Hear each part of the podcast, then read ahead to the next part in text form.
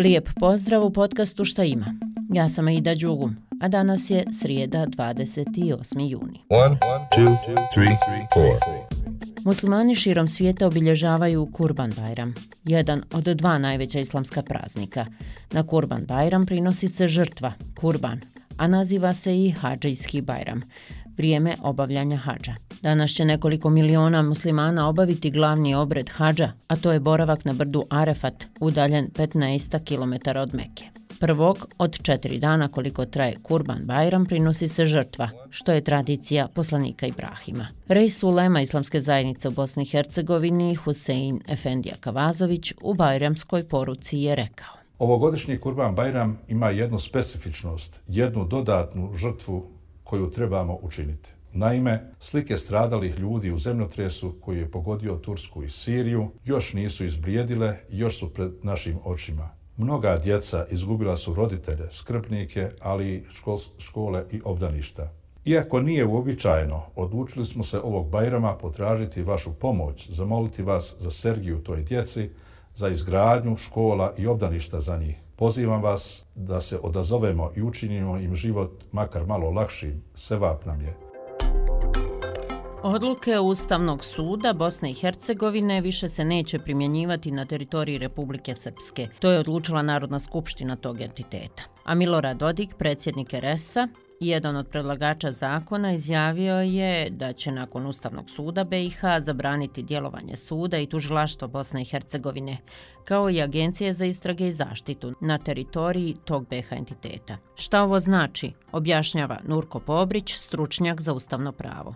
To je jedan, jedan specijalan način secesije jer se dio teritorije isključuje iz jednog uticaja državnog pravosudnog sistema, odnosno ustavnog sistema. Šta su dalji koraci, dakle, koji će uslijediti ili hoće li uslijediti, to je za drugo pitanje. Ako uslijedi, onda je sigurno se može reći da, da je jedan to korak koji znači početak secesionizma.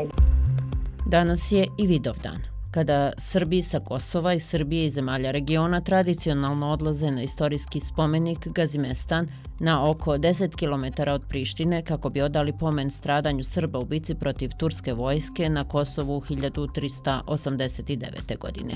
Vidovdan je vjerski praznik koji obilježava Srpska pravoslavna crkva. Međutim, Ove godine eparhija Raško-Prizrenska najavila da će zbog pogoršane situacije na Kosovu Vidovdanski parastos održati u manastiru Gračanica, umjesto na Gazimestanu.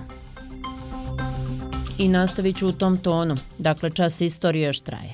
Sarajevski atentat desio se 28. juna 1914. godine, kada je Gavrilo Princip, član tajne organizacije Mlada Bosna, izvršio atentat na austro-ugarskog prestolonasljednika nadvojvodu Franju Ferdinanda i njegovu suprugu Sofiju. Sarajevski atentat poslužio je kao povod za izbijanje Prvog svjetskog rata. A da se vratim savremenim ratovima. Iz Vatikana su saopštili da će mirovni zaslanik Papa Franje za Ukrajinu, Mateo Zupi, danas i sutra biti u posjeti Moskvi.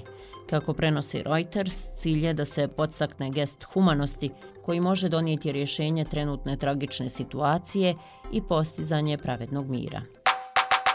I još bi se našlo ovih sumornih, bolnih i teških tema ali sam odlučila da ove srijede ostavim i vas i sebe na miru, pa da nađem neku razbibrigu. I našla sam na BBC-u tekst pod nazivom Zašto dive zaslužuju da budu teške od Grace Jones do Madone. Ukratko, sve su se one borile da imaju honorare kao njihove muške kolege. Tražile su fair tretman, borile se da grade karijeru na svoj način, snalazile se s pritiscima i preispitivanjima.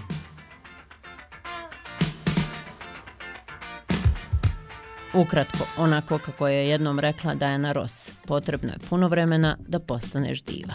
Eto, dragi moji, pozdravljam vas i želim vam lijep i ugodan dan.